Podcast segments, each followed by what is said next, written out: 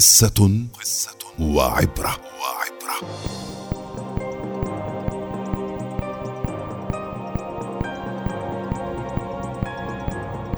يحكى أن ملكا عظيما كان بين الحين والآخر يتفقد رعاياه متخفيا.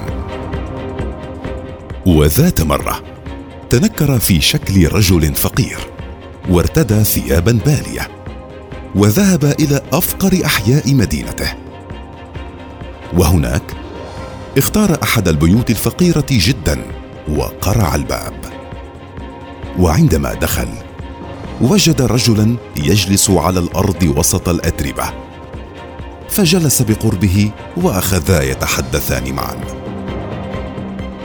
تكررت الزيارة عدة مرات حتى أن الفقير تعلق بالملك المتنكر وصارا صديقين يلتقيان بشكل دوري. ويتشاركان الطعام المتواضع كلما التقيا. وكان الفقير يحكي للملك عن أسراره وأتعابه كلها. وبعد زمن على هذه الحال شعر الملك أنه بات من الضروري أن لا تطول الأمور وأن لا يستمر في تنكره.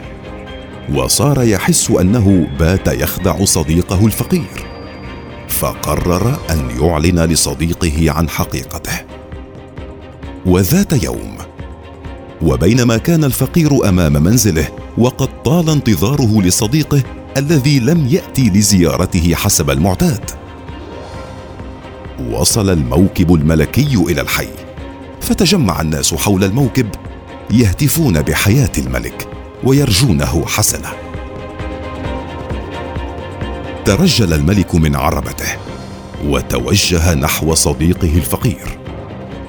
وكم كانت صدمة الفقير كبيرة حين رآه. فقال له في الحقيقة كما ترى لست فقيرا كما أدعي.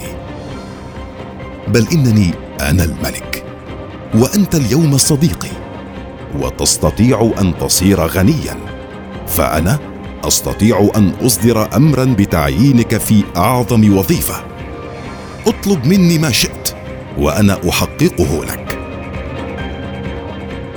فأجابه الفقير ما هذا الذي فعلته معي يا سيدي؟ أكنت تترك قصرك وتتخلى عن مجدك وتأتي كل مرة لتجلس معي في هذا المنزل الوضيع وتشاركني همومي وتقاسمني أحزاني؟ لقد قدمت لكثيرين من رعاياك عطايا ثمينة. أما أنا فقد وهبت لي ذاتك. إن طلبتي الوحيدة هي أن لا تحرمني من مجالستك وأن تظل دائما صديقي الذي أحبه ويحبني.